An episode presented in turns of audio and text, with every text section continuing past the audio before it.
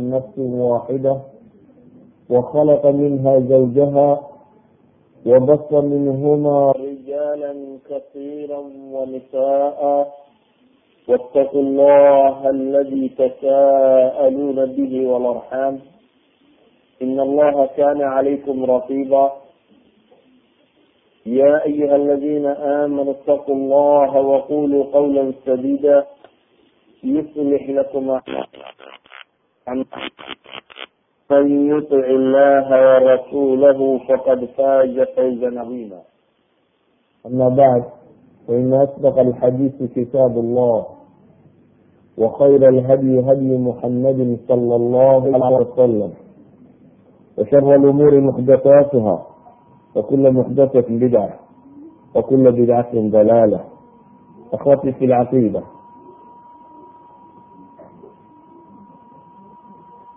waxaan insha allahu tacaala intii alla waafajiyo ka odhan doonaa. Adduunkan iyo qiimaha uu ku leeyahay alla subxaana watacaala afkiisa. Adduunkaan maanta joognaa waa waxa bini aadamka o dhami mutasaaxibka ku yahy waa waxa dadbays ku hayo loo loolamayo la kala boobayo la kala riixanayo.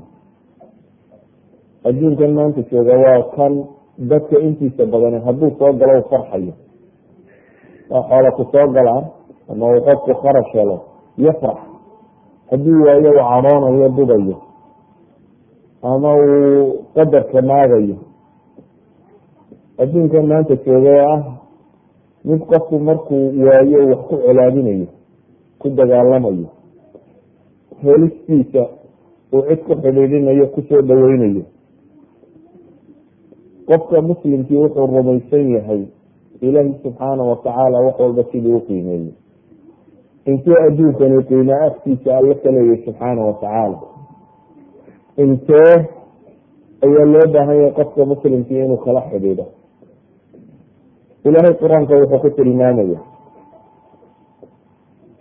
ya ayuha aladina aamanuu ma lakum ida qiila lakum infiruu fi sabiili illahi istaqaltum ila lard araditum bilxayaati dunya fma mataacu lxayaati dunya fama mataacu lxayaati fi lakhira ila qaliil fama mataacu lxayaati dunya fi laakhirati ila qaliil alla subxaana watacaala wuxuu tilmaamaya waa kuwa iimaanka laga helayo ba ilaahay leeyahay haddii layna alle jidkiisa u kaca maxaa dhulka isugu dhejinaysaan ba layidhi subxaana watacaala ma waxaad raalli ku noqoteen baa ilaahay adduunka kan oo aakhiro ka doorateen war adduunkan birbirkiisa nololeed dhammaantii marka loo qiimeeyo aakhiro la dhinac dhigo waa wax yar baa ilahay yihi ilaa qaliil. Waxa ilaahay subxaana watacaala nolosha adduun oo dhan ku sifaynaya inay tahay mataac mataaca fi luga waxaa la yidhahdaa ma yutamatacu bihi mina laa yabqa waxa lagu raaxaysto ee aan waaraynin. Waxa waxoogaa la isticmaalo ee markiiba dhamaada kaas baa la yidhahdaa mataac ilaahi subxaana watacaala wuxuu inoogu tilmaamaya qur'aanka. Adduunkani qiimaha uu ilaahay afkiisa kuleeyahy xuyo waa mataac baa layidhi waa mataaco markiiba wuu dhamaanaya waxaa alle subxaana watacaala mataacnimada ku tilmaamaya aayaad qur'aan oo tiro badan وqالوا ربنا لma kتبت عlyna القتاaل lوlا أخرتna إلى أجل قريب قل متاع الدنيا قليل والآkخرة خyر لمن اتقى ilahi wuxuu leeyahy waxay markii la waajib yeelay inay ilahay kiisa u diriraa waxay odhanayaan maa dibna looga dhigo waxaad ku tidhaahdaa ba ilahay yihi qul mataacu الdunya qaliil waar adduunkan inta lagaga raaxaystaa waa wax yar baa ilaahay yihi ee aakhiro ayaa khayru liman itaqaa qofka alla ka cabsado subxaana watacaala aakhira ayaa ufiican ba layihi waxaa ilaahay qur'aanka ku leeyahy bilxayaati dunya wama alxayaatu dunya fi laakhirati ila mataac nolosha adduun bay ku farxeen. Adduunna aakhiro haddii loo eego waa mataacun ba alla yihi subxaana watacaala dalika mataacu lxayaati dunya wallahu cindahu xusnu lma-aaba dunida tani aynu markaasi ku kor noolahay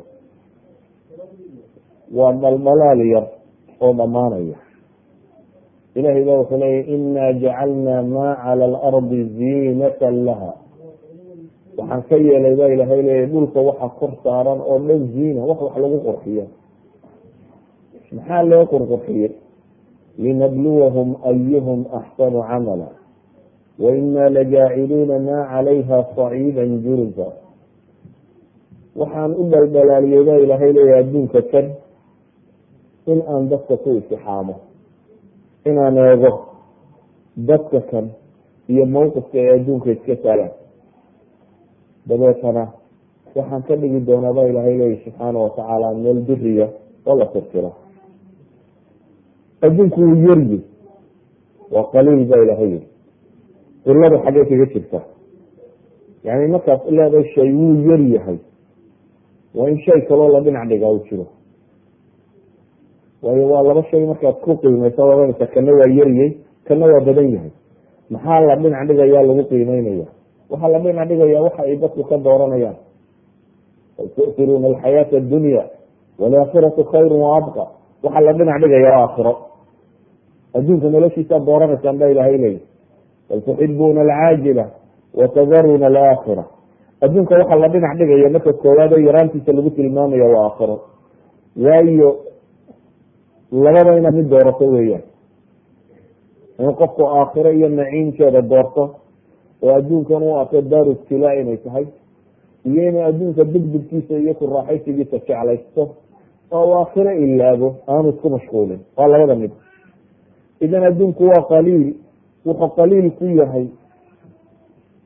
Jannada waxa yaallaa badan. Jannada ilaahay wuxuu leeyahy waa nicmo tiro badan. Waa beeqor waa jannooyin waa webiyo waa kullu shay lagu naciimaysto wafaakihata mima yatakhayaruun walaxmi tayri mima yashtahuun. Wax wal oo bini aadamku uu u baahdaaba way taalla idan adduunku wuu yaryey wuxuu yaryey marka aakhiro loo eego. Sida awgeed buu nabigu salawaatu llahi wasalaamu caleyh wuxuu leeyihi ma dunya fi laakhira ila kama yajcal axadukum isbacahu hadihi fi lyam falyandur bima yarjic adduunku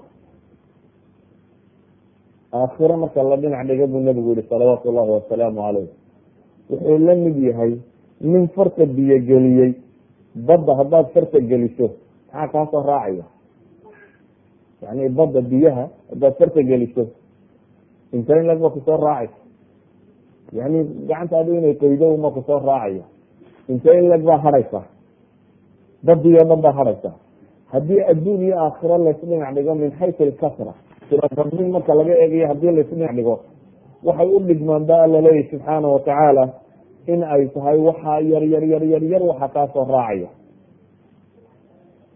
aakhiro nimcadeeduna inay tahay ku tiro badan. Sida awgeed ayaa waxay leenahay adduunku wuu yaryi marka loo eego aakhiro nimcadeeda adduunku baynu leenahay waa fani wuu dhamaanaya wuu dhamaanaya aakhirase way waareysaa oo adduunka iyo waxa nimco yaalo o dhan waa laba midun inaad adigu guusho oo ka tagsid oo geeriyo kudayn weydo iyo in isagu kaa tago intaad ururiso ururiso in aafo kale ku dhacdo dagaal dhaco balaayo kale dhacdo mashkilada dhacdo khasaare dhaco markaasaad raratay degto dayradaad waxsaartay degto si kale inaad ukhasaarto idan inuu isagu kaa tago iyo inaad adigu ka tagto labada mid un ku jirtaa ama aakhiro ukuluhaa daa'im wadiluhaa ba ilahay yiri waxaa lagu cunaya waa daa'im ma bedeleyso hooskeed iyo hadhkeed iyo nimcadeed oo dhami waa joogto aafa kuma dhacayso waa daar salaam. Daarta nabadgelyada weeyaan. Ilahay ba wuxuu ley maa cindakum yanfad. Waxa agtiina yaallo dhami waa dhamaanaya ba ilahay leyi wamaa cinda allahi baaq. Ilahay si agtiisa waxa yaalla ma dhamaadaan. Bal adduunka waad ururinaysaa. Laakiin intaad intifaacsanaysaa baya waa laga yaaba in malaayiin soo ururiso. Laakiin adiga maxaa ku arsaaqa aad ka leeday waxaad aakhira isaga sii horumarisay. Waxaad cuntay. Waxaad huwatay inahaas baad adigu ku leedahay inta kale dad kalun baa dhaxlaya ama u hadhaya adiga risiqaaga kama mid aha. Inta kale dad kale waad soo kasbaday oo waad soo ururisuun. Laakin risqigaagii maaha cid kalaa u hadhaysa sida daraaddeed waabay kula degdeg badantay sida ay ku dhaafayso aakhire marka la tagaba ilaahay wuxuu leeyahy maa labisuu gayra saaca. Marka la weydiiye waxaabad moodaa dunidii la sheegayaba saacad in inaan la soo joogin saacad intay leg waa wakti aada u yar yani waxaa la tilmaamaya sida ay u dhamaan doonto kaanahum yawma yarawnaha lam yalbasuu ilaa cashiyatan aw duxaaha aakhire markayse soo taagaan baa ilaahay leeya qiyaamuhu dhaco. Waxay u ekaanayaan inaanay gelin gelin dambe waxay dunida soo joogeen oo dhamina intaas yaraanteedii iyo sida zamankeedii u degdegay. Qofka maanta sagaashan jira way la yartay in intii uu soo maray. Maalmuun bay la tahay. Qadhan badan ma leh. Qofka labaatan soo jirayna maalmuun bay la tahay. Qofka afartan joogana maalmuun bay la tahay. Idan waa wax yar. Qofna ismale waad ka dheregtay ama in wax laga qaadaba ka qaado. Sida daraaddeed baa ilaahay subxaana watacaala wuxuu qur'aanka in badan ku tilmaamaya anama alxayaatu اdunya lacib walahw waziinat watafaakur baynakum watakasuru fi lamwali walawlaad kamahali gaysin acjaba nabaatu yahiiju uma yahiiju fataraahu musfara yakunu xutaama ilahay wuxuu tilmaamaya subxaana watacaala adduunka lacb iyo lahwi waa laleeyahy dheel dheel caruureed ama lahwi daldalaala in faan ah in urursiya iyo carruur iyo wax la nooca wax oo dhan marka la isku dira ba ilahay yihi muxuu la mid yihi kamatali gaysin acjaba alkufaara nabaat wuxuu la mid yahay baa la yihi roob da'ay oo beeraleyda farxad geliyey. Roobku markuu do-o oo doogu soo baxo intee in lag buu joogaa? Yacni bil laba intaanu jooginba dabayl baa ku dhacda. Oo biyihii baa yaraada. Oo dib buu u engegaa oo dhulkii quruxda badnaa dhammaantii wuxuu noqdaa maxay? Meel cidloo lama degaa buu ekaada saa daraadeed baa ilahay inamaa mathalu lxayaati dunya kamaa in anzalnaahu min asamaai faاkhtalata bihi nabaat alard faasbaxa hashiiman tajruhu riyaax. Adduunkaad joogtaan oo dhan marka laysku daro ba ilahay leyi subxaana watacaala wuxuu la mid yahay.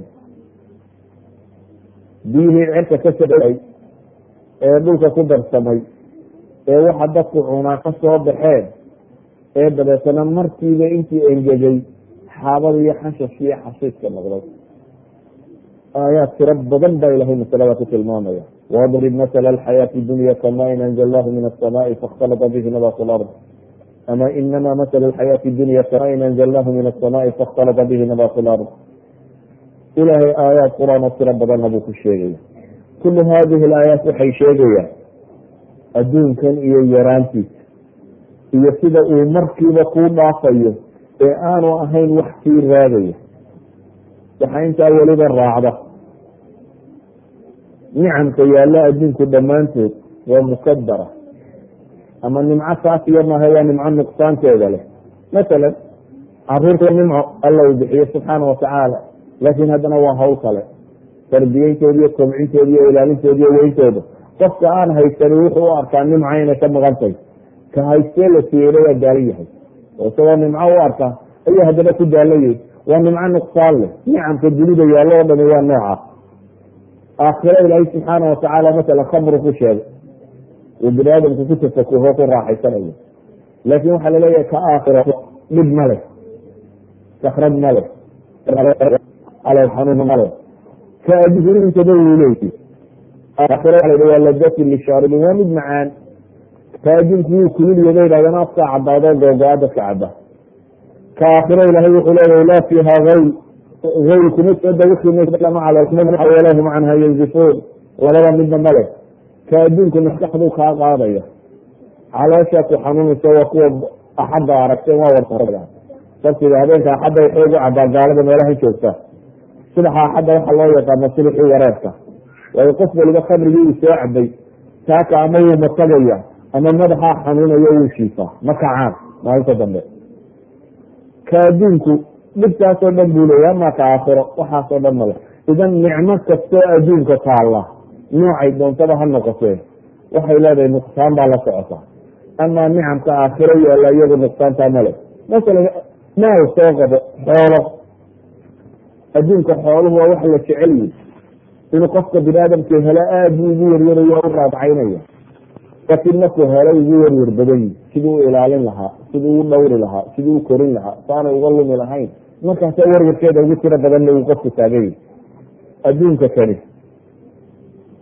Waxay leenahay waa wax xaqiiqa cinda allahi subxaana watacaala waayo inuu liito waxa kuugu filan qur'aan badan oo soo arooray.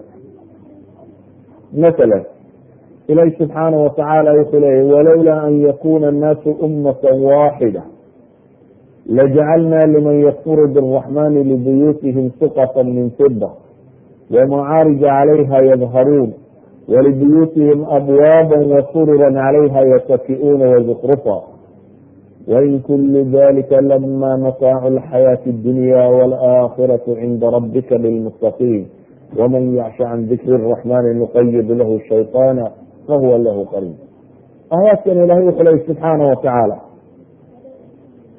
haddii lala yahay baa ilaahay leeyahay inaanay dadku wada gaaloobaynin qof kastoo gaalooba waxaan ku abaal marin lahaa baa ilaahay leeyahay adduunka gedigiisa yani inuu kufri abaalmar u noqdaa waxay sheegaysaa xaqaaradiisa iyo liidashadiisa saa ogeed baa ilahay wuxuu leeya qof kastoo ilaahay ka gaalooba waxaan u yeelayahaa guri saqafku uu fido yahay silbar yahay iyo macaarij sallaamo lagu koro abwaabtooda guryaha albaabadooda iyo sariiraha waxaan ka dhigi lahaa zukruf iyo dahab iyo mid lagu raaxaysto waxaasaan uga dhigi lahaa ba ilahay leeya bimujarad inuu qofku ilaahay ka gaaloobo abaalmar waxaa loo siin lahaa.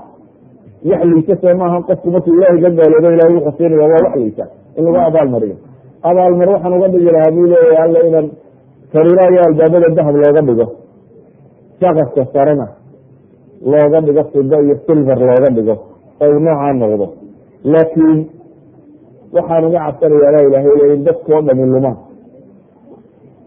Addunya jacaylka inuu dadkao dhan wadadaa ku wada ridoo la gaaloobo taas daraaddeed baa looga cabsanaya. Laakiin ilahay agtiisa qiimo kuma laha.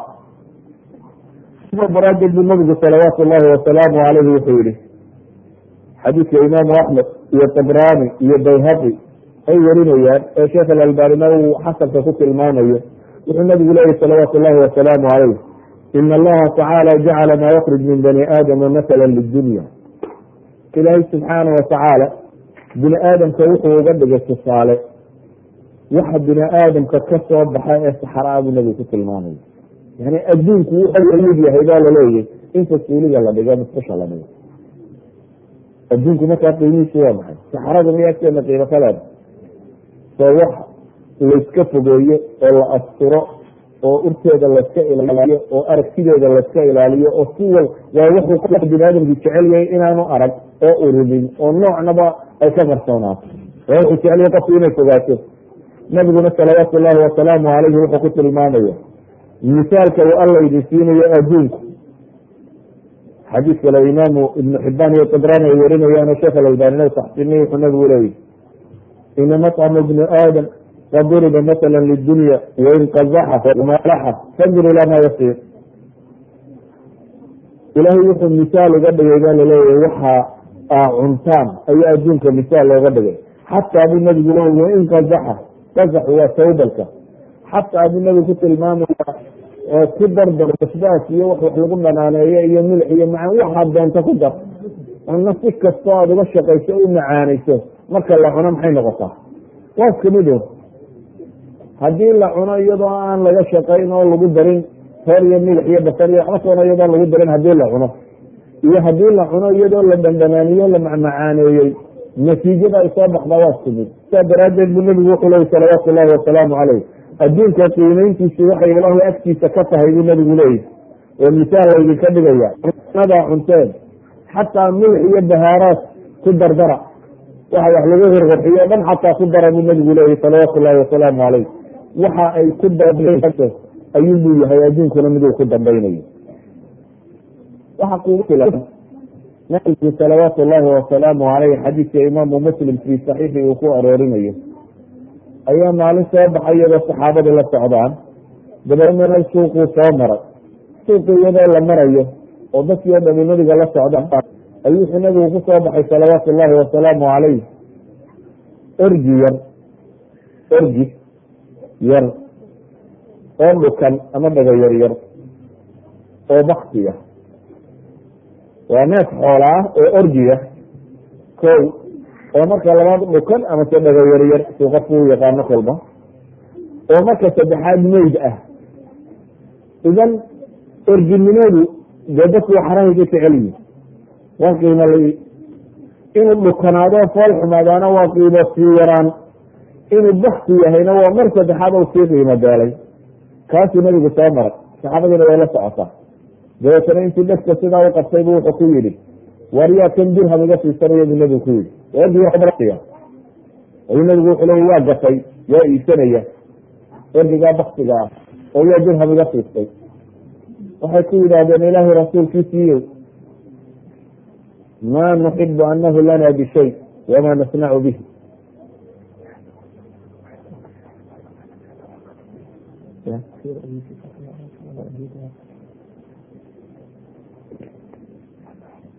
Bismi illahi raxmaan iraxiim walaalayaal waxaan naga cudurdaaran meesha inay aada u yar tahay. Saas awgeedna mataqaana ay keentay in dad badan ay banaanka taagan yihiin.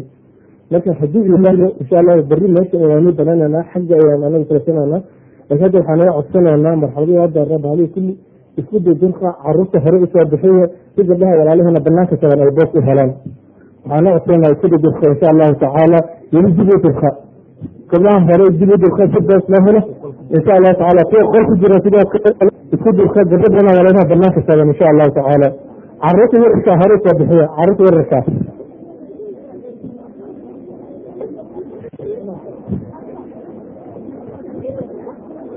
laakiin ana hala qayliyo ma dhihin hala qayliyo maan oran anigu ani waxaa ihi hala durka keliya hala qayliyo hala qayliyo ogeysiisa kuma jirin. Ogeysiisa wuxuu ahaa keliya hala durko oo halis habeeyo marka insha allahu tacaala carruurta yarkaa soo durkiya faftaxuu yaftaxu llahu lakum insha allahu tacala gabdhada ayada banaanka taagan dib isuu durka insha allahu tacaala beritaan dhaanayna haddii ilah yiraahdo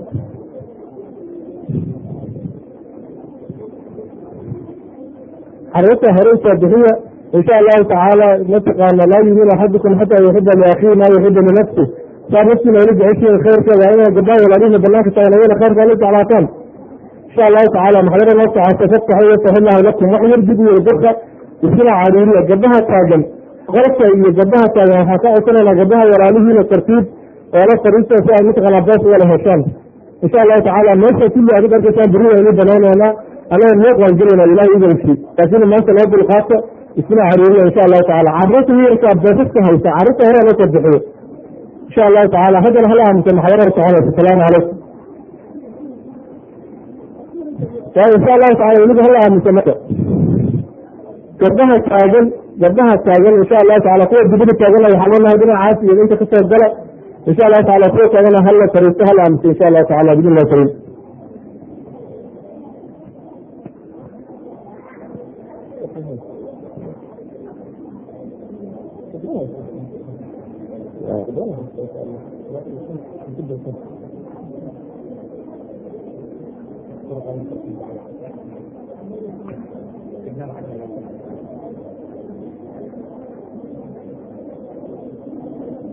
waxa uu nebigu soo maray salawaatu ullaahi wasalaamu calayh. Meeshaasi suuqa ah ee uu yaallo neefkaa yar ee baktiyey. Dabeetana nebigu salawaatu ullaahi wasalaamu calayhi intuu kor u qaaday ayuu wuxuu ku yidhi war yaa iga gadanaya buu yihi orgigaa dhukan ee meydka ah yaa dirham siisanaya buu nebigu ku yidhi. Waxay ku yidhahdeen saxaabadii maa nuxibu ana lahu ana lahu lana bishayin wamaa nasnacu bihi ilaahay rasuulkiisiiyo maxaan ma jecelin inaanu bilaash ka qaadano yani ma jecelin inaanu yeelano bay ku yidhaahdeen ee maxaanu ku falaynaa marka isagoo nooca kan yani gadashadiisa maxaanu ku falaynaa su'aashii koowaad oo nebigu weydiye waxay yaa lacag siisanaya ee hal dirham siisanaya waxay idhahdeen ma rabno nabigu su'aal kale ku soo celiyey salawaatu llahi wasalaamu caleyh wuxu hi haddaba waxba hayga gadanina atuxibuuna anahu lakum ma jeceshin inaad yeelataan milkiya una yeesha sasaan idin siiye lacagna ha bixinina bilaash ku qaata sidaa yeela buu ku yidhi waxay idhahdeen qaaluu wallahi law kaana xayan kaana cayba inahu asak fakayfa wahuwa mayit waxay idhahdeen ilaahu rasuulkiisiiye hadduu noolaan lahaayo ordi nool uu ahaan lahaa ceeb bay ahaan lahayd inaad yeelato. Waayo waa dhukan yi waa orgi dhagayaryaro fool xun ee fakayfa isagoo baktiya maxaad u malaynaysaa ba ina ilahi rasuulkiisiiye sida daraaddeed inaanu yeelanona ma rabno bay leeyihi inaanu yeelano oo hantidayada soo galo kaa ma rabno ku yidhaahdeen markaasuu nabigu wuxuu ku yihi salawaatu llahi wasalaamu calayh. Fawallahi ladunya ahwanu cala allahi min ahlikum. Fawallah nabi maxamed baa dhaaranaya salawaatu llahi wasalaamu calayh. Dabeetana wuxuu leeyahy fawallahi allaan ku dhaartaye ladunyaa ahwanu cala allahi min hada calaykum. Adduunku ilaahay agtiisa waa kaga liisaa kaga xaqiran yahay kanu idinku qiimaha u agtiina ku leeyahay. Baktiga qiimaha u agteena ku leeyahay waa intee waa in la aaso oo laiska fogeeyo qiimaha agteena ku leeyahay waa kaa yani qiimo kale oo maadiya ama macnawiya inoo samaynaya ma jiro.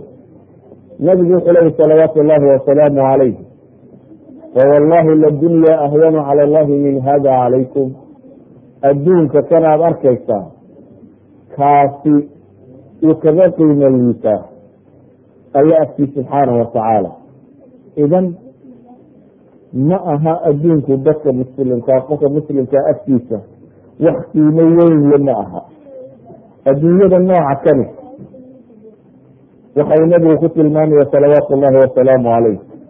Low kaanat iddunya tacdilu cinda allahi janaxa bacuuda adduunkana arkaysaan oo dham hadday ilaahay agtii garab kaneeca leeftay. Kaneeco waa xasharadan yaree wax dhista ee dadka qanuunta insectkaa yar xasharadaa yar garabkeedu labada baala ay ku dusha intay egi marka hore kaneeca yarta oo wax nafla aan ahayn. Haddana kaneeca la qaybqaybiye markaasaa waxaa la qaatay garab kamida garab kaneeco. Intuu qiimo agtaada ka leeyi yani kaneecaan qiimo lahayn. Waaba garkeeda saa daraaddeed buu nabigu wuxuu leeyahy salawaatu llahi wasalaamu calayh kaneeca garabkeed. Hadday la qiimo tahay adduunku gebigiiba alle agtiisa maa saqa kafira minha shurbata ma gaal biyo kama dhadhansiiyeen buu nabigu yiri salawaatu llahi wasalaamu calayh. Idan mar hadday kaneeco garabkeed ka liidato waanay qiimo alle agtiisa kulahayn subxaanahu watacaala uma aba yeelin gaalkii cadda iyo cid yeesha iyo waxa kan waayo agtiisa kagama fadhido. Xadiiska imaamu tirmid ibn maajana warinaya sheekh albaanina saxix ligayriba ku tilmaamaya. Bal nabigu salawaatu llahi wasalaamu caleyh wuxuu tilmaamaya addunya sijnu lmuslim wa janat lkafir adduunku marka la eego waa qofka muslimka ah xabsigiis buu nabigu ku tilmaamaya waayo qofka muminkaa adduunku wuxuu yahay daaru ibtilaain wa imtixaan. Wax kasta oo soo gala ama hanti ha noqdo magac ha noqdo maamuus ha noqdo wax kasta oo nimco ilaahay siiyey oo haysaynaysa mid lagu intixaamayo wuxuu arkaya mid akre la weydiinayo inay tay sida daraaddeed adduunkan la arkaya qofka muslimkaa agtiisa xabsi buu ka yahay. Xabsigu miyiga meel lagu raaxaysto? Yani qof xabsi jeel ku jira oo u arkaya inuu raaxaysanayo miyaad waa maya qofka xabsiga ku jira muxuu ka firaya goortu ka bixi lahaa iyo meesha ka fiican u tegi lahaa waayo wuxuu u arkaa xabsigu inay meeshii u liidatay ee qof bini aadami dego. Saa daraadeed wuxuu raadcaynaya inuu ka baxo oo freedom u helo inuu xorriyad helo oo uu u baxo meel kale oo lagu nimcaysto. Adduunka kani qofka muminka wuxuu ku yahay xabsigaas waayo wuxuu raadcaynaya qofka muminka inuu ilaahay la kulmo iyo inuu janno galo jannana waa nimco aada u weyn saa daraadeed meesha tani xabsi buu arkaya saa awgeed bu nabigu wuxuu tilmaamaya qofka muminkii ilahay la kulankiisa jecel. Munaafiqii gaalkuna ilahay la kulankiisa ayuu neceb yahay. Waxau nabigu ku tilmaamaya addunya malcuuna malcuunu maa fiiha yani adduunka ka waxaa la tilmaamaya inay tahay sababu zayr waxyaabaha qofka diintiisa ka weeciya saa daraadeed buu nabigu salawaatu llahi wasalaamu calayhi wuxuu ku tilmaamaya adduunkani inuu yahay mid ilaahay naxariistiisa laga fogeeyey. Waxa joogaan ay malcuun yihiin. Ilaa iyo laba qolaa la soo sheegay. Ila dikr allahi waman waalaa wa calimin mutacalim ilaa iyo ilaahay xuskiisa iyo inta ilaahay u xidhan. Ee muminka iyo qof caalima oo waxbaranaya iyo mid mutacalima oo waxbaranaya intaa waxaan ahayni naf ma laha baa laleeyay subxaana watacaala adduunka kani waa meel dhib badan. Xataa ka shaqisiisaa dhib ah haddaanu qofku wanaagga u adeegsanaynin waxaa nabigu ku tilmaamay tacisa cabdu dinaar wa cabdu dirhab wa cabdu lkhamiisa in ucطiya rabi wain lam yucطa sakit tacisa wantakash waida fika falam طuba licabdin aakidin bicanaani farasihi fi sabiili اllah ashcasa ra'sه mugdaraة qadamaah in kana fi اlxaraasa kana fi اlxaraasa wain kana fi الsaaqa kana fi الsaaqa wain ista'dana lam yu'dan lah wain shafaca lam yushfac xadiiska imaam الbukhaari baa warinaya wuxuu nabigu leeyahy salawaatu اllahi wasalaamu calayh waxaa hoogay qofka dinaarka dinaarku waa lacagtii dahabka ahayd qofka dahabka u ah adoon waxaa la yihaanay qofka dirhamka oo lacagta ahayd qofka dirhamka adoonka u ah. Ayaa yani tacis hoogay waxaa hoogay buu nabigu ku tilmaamaya salawaatu llahi wasalaamu calayh cabdulkhamiisa rakiifada iyo waxa yaro la bedelo qofka adoonka u ah. Saad adoon igata insaanku adoonnimo horta kama baxda qofka binaadam waa cabd tula xayaati. Laakiin marna wuxuu yahay cabdun lilah ilahay ma adooniye marna waa cabdun lishahwaati nafsihi wa hawaah afaman itakada ilaahahu hawaah ayaa ilahay leeda ka warama ka waxay naftiisu doontay ilaah ka dhigtay waa layidhi wuxuu caabudo. Qofna ilaahay buu ka amar qaataa. Qofna shahwaati nafsiguu ka amar qaataa. Nafsi waxay doonto haddaad u noolaato xoole inaad xoojiso fiidnimo ka soo rawax shaqadiibaad ka habsaamaysaa in yaro cunaa intaad cunto u seexo salaada u bood haddana sii kac tag soo noqo in yar seexo.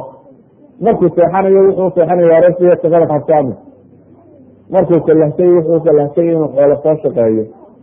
Noloshiisa wuxuu u noolyey inay jaraahimi soo gasho jaraahimta soo muxuu ku sameeya guriginba haddana daahiyaha iyo qadifadaha iyo dahabka iyo intanuba la bedelaa intii horuba la raraayo in kaluba la dhitaa waxoo dhan isku dar dadkuba markaa muxuu adoon u yihi inaad maalin walba daaha bedeshid waxaad adoon u tahay inaad sariirta bedeshid waxaad adoon u tahay in gurigan iyo inta dhex taalo inaad ka shaqaysid waxaad adoon u tahay oo cimrigaagi dhammaantii uu ku baxay intan qabashadeedii idan cabdigu qofku yihi markuu aakhiro ilaabo ee noloshiisa ay u ekaato intaasi un waa cabdi buu u yahay dirhamka iyo dinaarka cabdi buu yahay lacag ururinteed. Waxaa laga yaabaa lacagta ururinteeda inuu ku xanuunsado sidii xoojinayo u shaqaynayo inuu xanuunsado. Bal ee markuu soo helo ayay ka sii waryar badantay halkee la dhigaa? Baankee lagu ridaa? See looga dhaliyaa? Saad u sii tiro badin kartaa bal ee marka uu bilyaneer noqdaaba ugu sii waryar badan yihi telefon yar markuu soo dhace la dhahdo bangi hebel aad abshihiisa ku jirtay baa abshihii hoos taasa u dhacay wadnahayn baa degta. Tiviga caadiga la daawado kuwa lacag kale xanuun ka qaada. Waayo maalin kasta markuu tag tv-ga uu bidhka siiyo eego shalaysa abshigu iibsadayba saaka hoos u dhacay wadnaha aynu go-da alaabta la soo saaray meel heblaayo ka soo socday ayaa degay. Wadnaha in kala go-da waa qof u noolun inuu hoos u dego. Haddii uu xelana farxad buu la baktiya idan farxadiisa iyo cadhadiisa iyo naxdintiisa iyo waxeshiisa iyo waxwaaliisa intiba adduunkan kolba dhab socda ayuu ku xidhan yihi idan cabdi buu yihi waa werwarayaa ma seexdo. Muxuu ka werwarsan yahay? Safreblaayo masoo nabad gala alaabtii dekadama laga soo saaray. Eerboodka wuxuu yaalana la soo qaaday arrinkaas see loo galay. Sharikaadka waaweyn kuwa lihi shaqaalaha caadigee u shaqeeya iyaga ka liita waayo shaqaalaha horteedba inta badan yimaadaan koob iyo tobanka habeenimana way rawaxaan. Marka shaqaaloo dhami rawaxo isagu rawaxa waayo isagu waa inuu wixii laga shaqeynayo wixii o dhan inuu tanziimiyo oo hagaajiyo ayaa sugaysa idan ninka shaqaalihi intuu shaqeeyo in ka badan buu shaqeeya intuu cuno ninka shaqaali in ka badanna ma cuno koobkaas ah iyo koobkaa kafeega labada beriiska ama hilibka ama kalluunka unbaa la wada cuna bini aadam intaa ka badan ma qaado.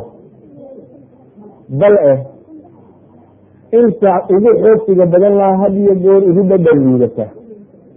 Yani qofka faqiirka waxaad moodaa cunadoo dhan way isaga dhamantaa waa wada macaan. Inta badan ilaahay waa caadilooda wa xanuunsadaan waxbaba ma dhimaan wax kasta u liqi karaa. Way yarta inaad aragto qof hanti haysta oo aan labadiisa keeba kilin ka buuxin. Fadlan darashakaa lagu dejiya kan macaankaa lagu dejiya kan marka shaaha lacabaya laga horeysiya kan gabada horteedaa la liqaa kanna waa laga daba liqaa noloshiisao dhami waxay ku salaysantahay miduu ka hor liqo miduu ka daba liqo miduu marka shaaha lacabayo ku rido iyo miduu caynkan u galo. Idan xataa tacmigeeda ma helo. Halkaas u shaqaalo ahi isagu intuusiisa cuurso isagoo dharagtaras ka seexdo.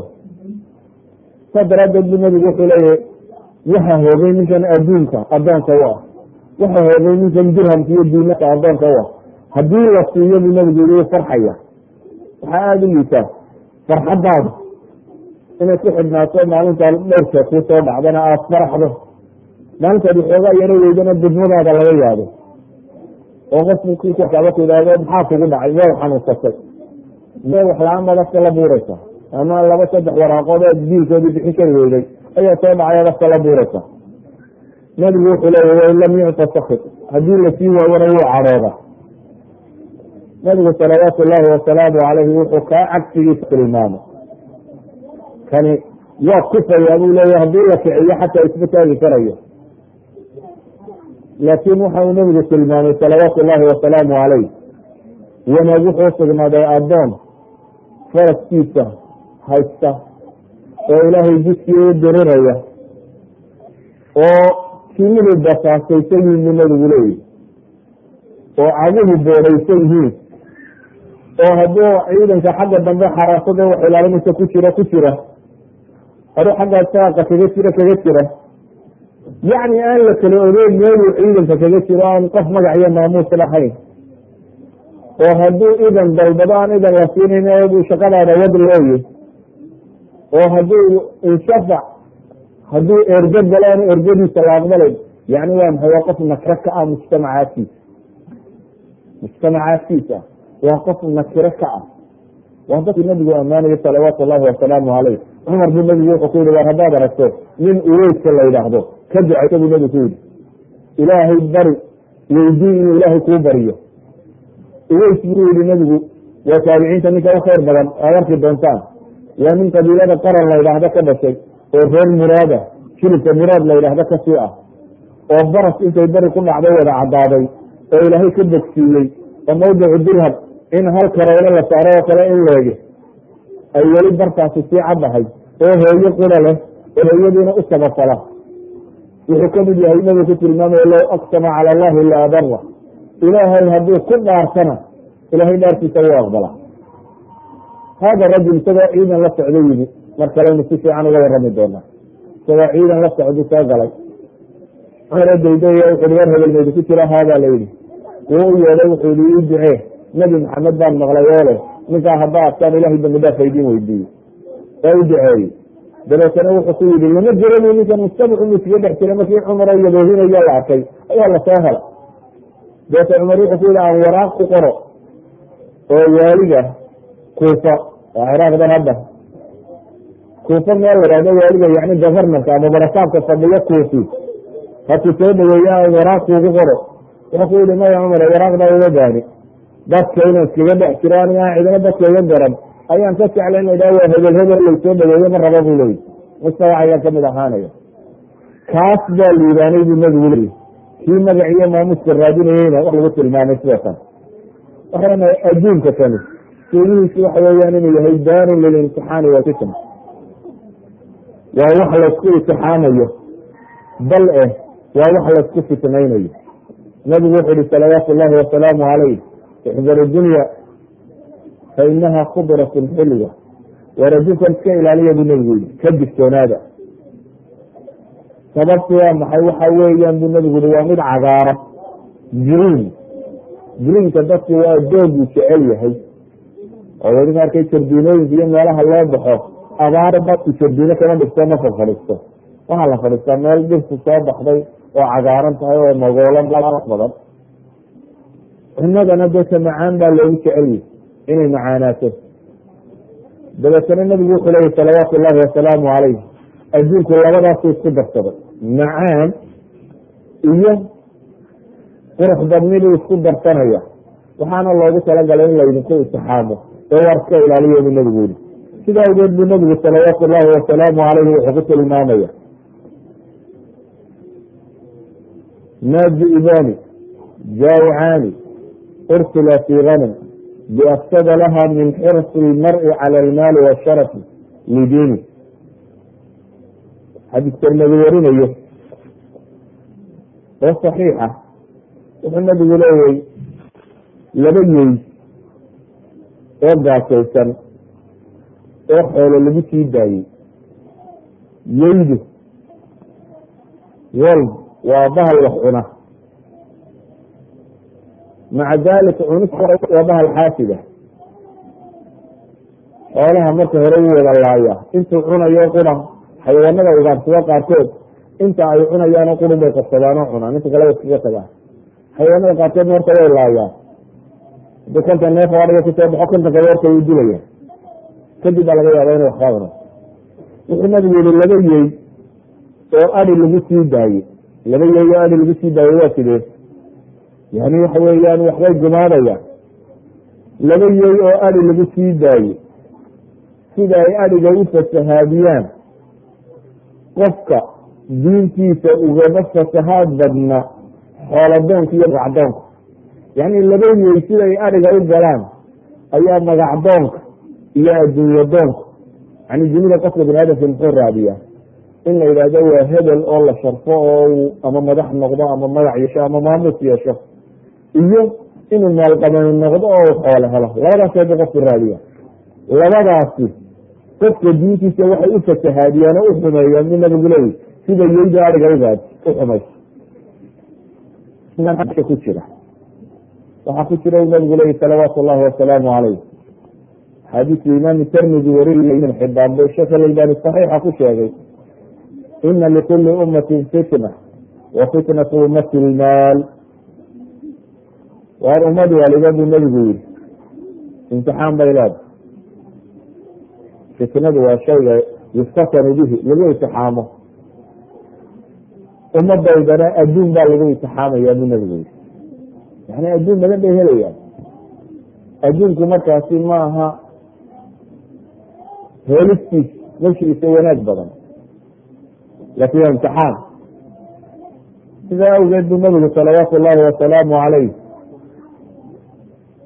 xadiiskii saxiixeynka ku yaalla waxaa soo galay isagoo fadhiya ayaa waxaa la keenay xoolo laga keenay baxrayn meeshan baxrayn la yidhahdo muslimiintu markaa furteen jisyadoodii abilcalaa ilxadrami saxaabigii la ohan jiray waayey ayaa la soo diray xoolihii baa magaalada yimi dabeetana xoolahaas dadka hingiri ka wada galo lagu soo dhadhawaado oo qof waliba ad xoolihii wax ka heshiidiyo nebigu waxa ku siiyo markii nabigu arkay dadku say ugu soo dhadhawaanayaan bu wuxuu ku yihi abshiru aminu waardadow waa bishaaraysta marka hore waa marka labaad ee rajadiinu ha weynaato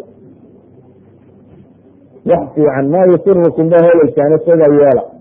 Fawallahi ma alfaqra akshaa calaykum buu nabigu yii anigu idinkama cabsi qaba buu nabigu leeyahay adduun la'aan xoolo la'aan caydnimo. Caydnimo inay xidin yeesho idinkama cabsi qaba buu nabigu yihi salawaatu llahi wasalaamu calayh. Haddaa maxaa nebigu inooga cabsanaya? Haddaan cayd laynooga cabsoonaynin? Wuxuu nebigu yihi salawaatu llahi wasalaamu calayh. Walakinii akshaa an tubqada adunya calaykum waxaan idinka baqaya in adduunka laydiin ballaadhiyo. Sidii kuwii idinka idinka horreeyey loogu ballaadhiyey oo aad dabeetano ku loolantaan siday ugu loolameen. Oo ay dabeetano idin halaagto si kuwii idinka horreeyaba u halaagto yani nebigu wuxuu tilmaamaya adduunye jacaylku inuu yahay wax wax halaaga qofka mu'minka ah. Waxa looga baahan yahay markaasi waxa weyaan adduunka inuu qiimaheeda dhabka arko. Oo aanay noqonin shay ilaahay subxaanahu watacaala iyo diintiisa iyo cibaadadiisa dhaafisa. Bale nebigu salawaatu llaahi wasalaamu calayh inuu xoolo helo waxaabu ka door biday isagu inuu yurgay qaato ilaahay baa kala doorasiye inuu nebi addoona noqdo. Iyo inuu nebi boqoroo xoolo iyo hantiyo maamul haysta u noqdo. Wuxuu doortay nebi. Aan wax badan haysan u ahaado bale wuxuu damcay. Reerkii uu la noolaa. Iyo xaasaskiisii inay noloshaa la wadaagaan basiidki cudub. Nolol fudud in lala wadaago. Oo aan nebigu salawaatu llaahi wasalaamu calayh adduunyo soo gelayo adduun badan baa u imanayey yani markaan juhdiga ka warramayna kama warramayna adduunka inaanu soo gelaynin adduun soo gelayay laakiin nebigu uu bixinayay. Sida awgeed ayuu nebigu wuxuu doonay inuu juhdigiisa iskaga jiro. Waxuu cuno iyo wuxuu cababa inay yaraadaan. Dabeetana markay yaraanta doonayeen bay haweenkii waxay ku yidhahdeen ilahi rasuulkiisiyo wiilka noo korni waan rabnaa in geelku intanu ka baxo. Hadiyadii nabigu muu yeelin. Ilaahay baa markaa qur'aan soo dejiyey nabi maxamed iyo guryihiisuu la kala hadlaya. Ilaahay wuxuu ku yihi yaa ayuha nabiyu qul liazwaajik in kuntuna turidna alxayaata addunya wazinataha fatacaalayna umatickunna wausarixkunna saraaxan jamiila yaa ayuha nabiyu baa ilahay yihi nebi allow. Waxa aad ku tidhaahdaa haweenkaaga xaasaskaaga waxaad ku tidhaahdaa in kuntuna turidna alxayaaةa addunya. Haddaad rabtaan nolosha adduunye aad jeceshiin iyo inaad noloshan ku raaxaysataan haddaad rabtaan nolosha adun iyo ziinadeeda iyo dhaldhalaalkeeda haddaad doonaysaan fatacaalayna iswada taalaya haweenkoo dhamo umatickunna waa idin siinayaa waxaa ku raaxaysataan oo ku birbirsataan bisharti laakiin wausarixkunna saaxan jamiila waana idin sii daynaya ku raaxaysta adduunkiina nimcaysta xoolaha idin siinaya waana idin furayaa dhabo alla ku yiri anuu nolosheedu inaysaan ka bedelasan ma doonayo laakiin idinku haddaad san kala jeceshiin waxaa ku raaxaysataanna waa idin siinaya waana idin furayaa bu nabi ku yiri haddaa ilaahay iyo maalinta aakhiro doonaysaana iyo rasuulkiisa ina raacdaan dee ilah iyo rasuulkiisa yeela baa la waa kuwii doortay ilah iyo rasuulkiisa inay raacaan. Sida daraaddeed ayaa nabiga salawaatu llaahi wasalaamu calayh oo meel jiifa ayuu saxaabiyu soo galay markaasuu wuxuu arkay nebigoo salligii yaraa way ku seexday darme yar ama salli ayuu ku jiifsaday isagoo seeda qaawan dabeetana seedahii buu kaga sawirmay garabkii halkaas ayaa waxaa kaga sawirmay salliga xariisimihiisii saxaabigii markii nabiga u soo galay buu arkay nebigii oo garabkiisi ay ku sawirantay salligii uu ku jiifay dabeetana uu ka murugooday markaasu wuxuu ku yihi ilaahay rasuulkiisiiyo low itakadna laka witaa aan firaash kuu soo sabayna bay ku yidhahdeen ilahay rasuulkiisiiyo markaasuu nabigu wuxuu ku yihi maaliyo dunya waar anigi adduun maxaana kala galay? Buu ku yihi nabigu salawaatu llahi wasalaamu caleyh. Ma ana fi dunya ila karakibin istadalla taxta shajara uma raaxa watarakaha waar aniga iyo adduun iskuma nihin buu nabigu yihi salawaatu llahi wasalaamu caleyh. Ilaa iyo sidii nin habsaday meel hoosa safara oo intuu meel habsaday dabeetana iskaga tagay. Haddaad safar tahay oo ay ku qabsato inaad degto oo meel habsatid ma ka fekeraysa inaad daara ka jeexdi sawxunbaa tilada dakulada mar dhawaad caraabi doontaayo. Intaad qodaxda iska yaro xaadxaadha jiraada iska yaro hoos jirsan dabeetana waad ka kici doontaa waad ka tegeysa sida macquulki waxa weya inaad xafadhatin aad inta kale yaro riixriixdayn ka siibsatid dabeetana ad ka carrawdi nabigu wuxuu ku yiri war adduunkan aad sheegeysaan anigu saasaa ku ah maalmin baan yaro kiifaya. Dabeetana waxaan tegayaa meel lagu waarayo. Sidaa daraaddeed anigii adin waxba naga kala waa xadiidkii imaamu tirmidi warinayey ee xasanun saxiixa uu ku sheegay arnaudina uu saxiixinayey waxa kaaga filan in xataa ducada nebiga aanay ku jirin ilaahay xoolo badan isiis waa jira saxaaba ugu duceeyey. Ilaahay carruur badan iyo maal badan sii wiilkii anas ahay u shaqaynayo kale anas ibnu malik allahuma kasir maala wawaladah buu ku yidhi. Ilaahu carruur iyo xoolaba ubad laakiin isagu wuxuu doortaan ka waramaya nabigu wuxuu doortay intuu ilaahay baryo gacmaha kor taaga buu ilahay wuxuu ku baryi jiray. Allahuma ajcal risqa aala muxamed quuta ilaahay reer nabi maxamed risiqooda in la liqo ka dhig ka waran intuu ilaahay baryo mala ilaahay risiq ballaadan oo caynkan oo kan oo kananki wuxuu ilaahay intuu baryaba wuxuu leeyahay allahuma ajcal risqa aala muxamadin kafaafa ilaah wow nabi maxamedba reerkiisa oo dhan waxay cunaan kafaaf ka dhig. Wa fii bacdi riwaayati quusa waxaa kaaga filan inay caaisha tilmaamayso nabi maxamed salawaatu llahi wasalaamu khubis shaciir laga sameeyey. Shaciirku waa geed xoolahana loo dhigo dadkuna marar ay cunaan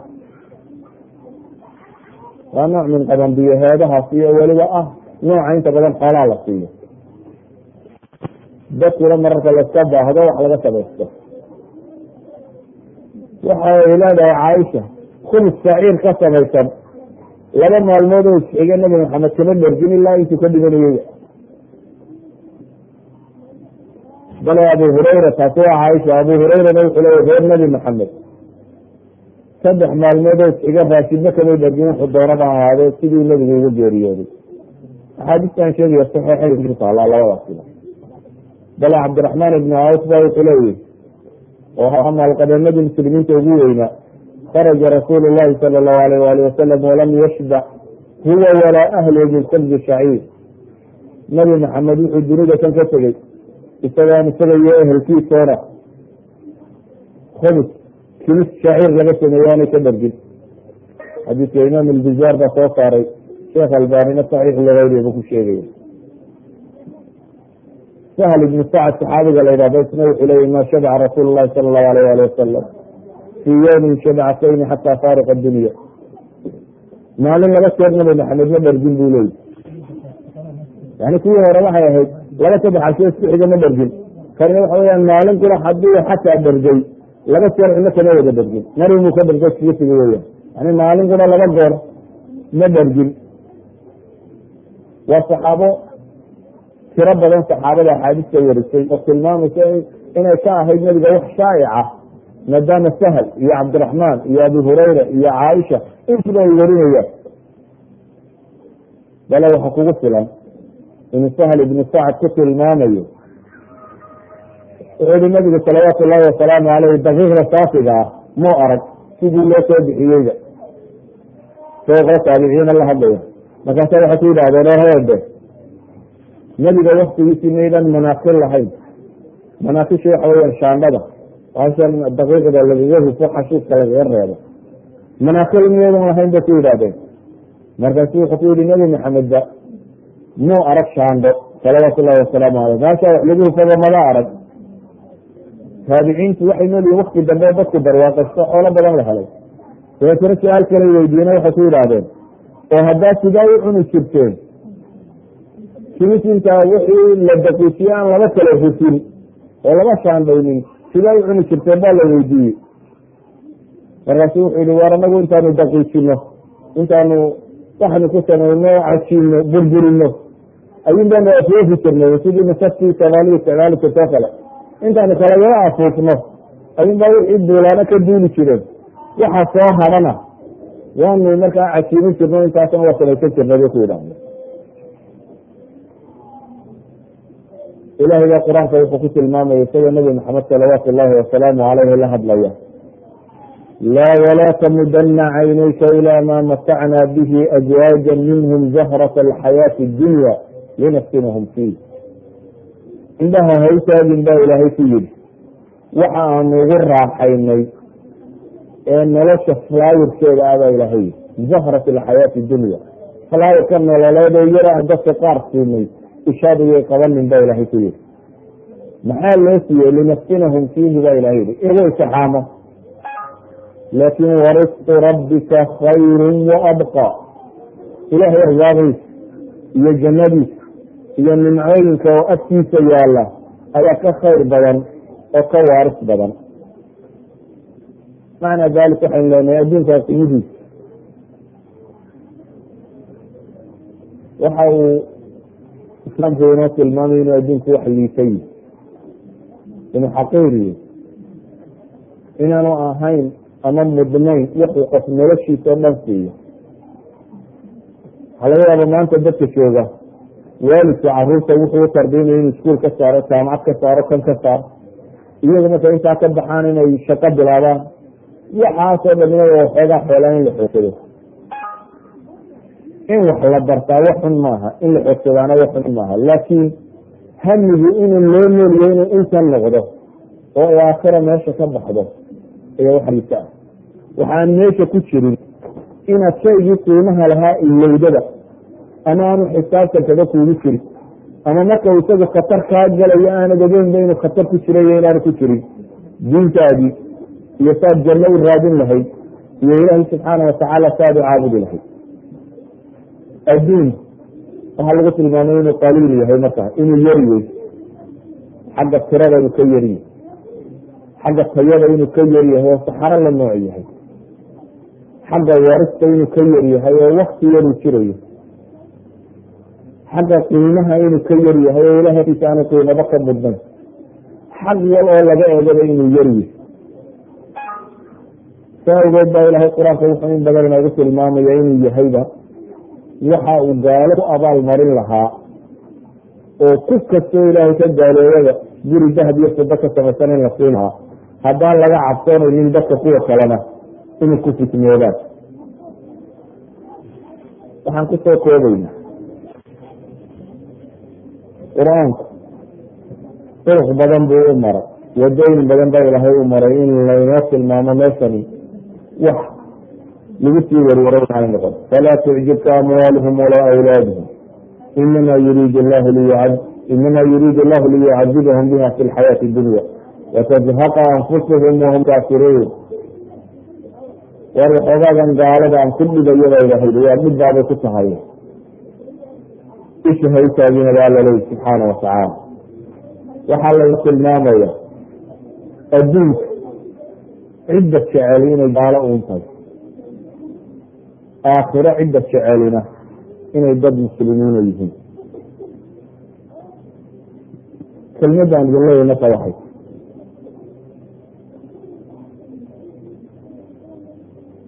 Dadka maanta jooga waxaa indhahooda ku weynaaday oo la buurmay waxoogaa kan laamiyadan iyo guryaha kan iyo daarahan iyo inta kanba aada ula buurmay dabeetana waxaa dhacday inay aakhira la yaraatay yaraatay yaraatay yaraatay. Halkii dadka muslimiinta waxaana ay cagsiga ahaan lahaay dad muslimiin oo xoogsado lax soo saara waa jireen tijaar muslimiina waa jiray laakiin lacagti gacantooda may dhaafin qalbiga may degin noloshiisuna lacag may ahayn ee noloshiisu aakhiro yahay lacagta waxa uu ku raadinayo koo soo gashay waxay inuu janno ku helo sidaa daraaddeedba kuwii hantida haystay qaar hanti haysta oo cashar almubashiriin kamidaa jiray cabdiraxmaan ibni cawf ama cusmaan ibni cafaan laakiin waxay ahaayeen dad hantidoodu aakhiro ula jeeda oo aan adduunka qiimo badan aan ku lahayn. Waxay ahaayeen dad diintooda inay ilaashadaan ay kaga qiimo badnayd adduunkan iyo isracintiisa waxay ahaayeen dad saacadaha uu aakhiro geliya ay ka badnayd saacadahu adduunka geliyo yani wax waloo nolosha ah haddaad rabto inaad ka midag dhaliso waa inaad wakti gelisa waxaan wakti iyo juhd iyo awood iyo tamar la gelin natiijo lagama helo shaqo bilaashi ma jirto. Idan waxay ahaayeen dad hantidooda naftooda maalkooda intaba ku raadinaya inay aakhiro ku helaan. Inagase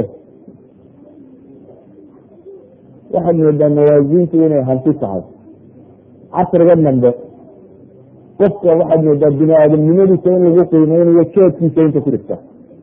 Haddaad hal doolar haysato qiimahaagu waa hal doolar haddaad laba milyan oo dollar haysato qiimahaagu waa laba milyan oo dollar. Haddaad hal bilyan haysato waa hal bilyan. Taa macnaheed waxa weyaan in dadku maadada lagu qiimeeyey.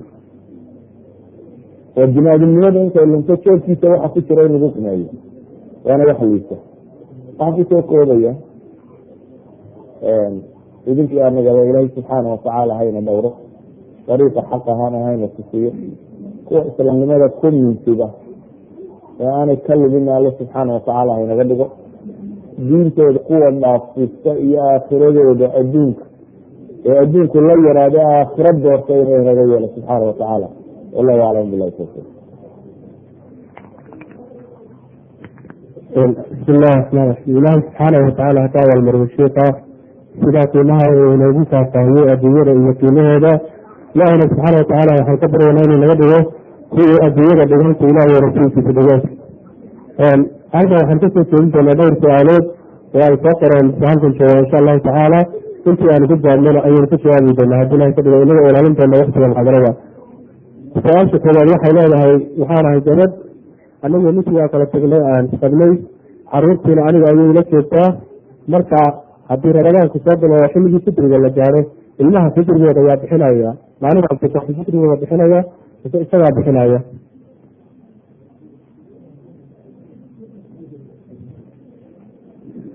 ilaahay xaq ahayna waafajiyo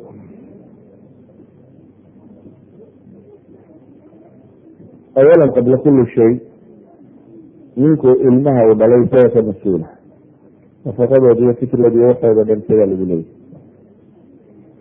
Laakin bisharti islaamtuna inay ogolaato ilmaha inuu ninku yeesho hadaad intaad erido tawaado fitrigana isagu ha bixiyo. Carruurtana yuu arkin anigu aan haysto. Si qurux badan maaha. Haddaad ka bixiso adiguna waa khayr inaad carruurtaada ka bixisay waa samo aada u fashay wax kaa xumaanaya maaha. Waa kontan karayna lagasa qaado samanaha maaha. Laba galaan oo beris ama laba galaan iyo dad beris oo ilmaha dashay inaad ka bixisaa. Wax weyn maaha loo raadceeyo laakin mas'uuliyadda asalkaa isagay saaranta wallahu aclam su'aasha labaad waxay leedahay waxaan rabaa inaan ogaado salaadaha sina sunnada ah ee faralka ka dambeey tiradooda inta leeg yihiin iyo qaabka loo tukanayo salaad sunno oo la tukado habeenkii la tukadaaba ugu khayr badan salaatuleilka salaada la idhaahdo ayaa marka faralka laga yimaado sunno la tukado kaa farta u badan. Oo nabigu wuxuu ku tilmaamayaa salaad ilaahay loo tukado bacda almaktuuba salaatu leil baa ugu fiican. Ilaahayna markuu ammaanayay dadka saalixiinta waasuu ku ammaanay. Kaanuu qaliila min alleyli maa yahjacuun walasxaari hum yastakfiruun baa ilahay leey kaanuu qaliila min alleyl maa yahjacuun. Sunaha raatibta ahi waa laba ragcadood oo salaada subax horreeya laba duhur ka horreeya laba ka dambeeya ama afar ka horreeya afar ka dambeeya ama afar ka horreeya laba ka dambeeya. Intaba duhurka waa la tukan karaa laba maqrib ka dambeeya. Iyo laba cisho ka dambeeya. Iyo witurka qofka muslimka ahi marnaba inaanu witur ka tegin. Nebigu safarka iyo xadarka laba salaadood oo sunaa ka mid aanu ka tegi jirin baa jira. Labada ragcadood oo subaxa ka horreeya tukan jiray. Witrkana witrku waa salaad keli ah. Oo ama mid ama saddex ama shan ama yani salaadun od number ah. Kala dhiman oo ama hal ragca ama saddex ragca ama shan ragcadooda iyo wixii lamida witirkaa habeenkiina kama tegi jirin nabigu salawaatu llahi wasalaamu caleyh maadaama waqtigii salaaduna uu dhow yahay insha allahu tacaala su'aalaha soo soo qorintooda badan waxaynu dib ugu dhiganaa muxaadarada dambe maadaama waqtigeedu ka waasicsan yahay.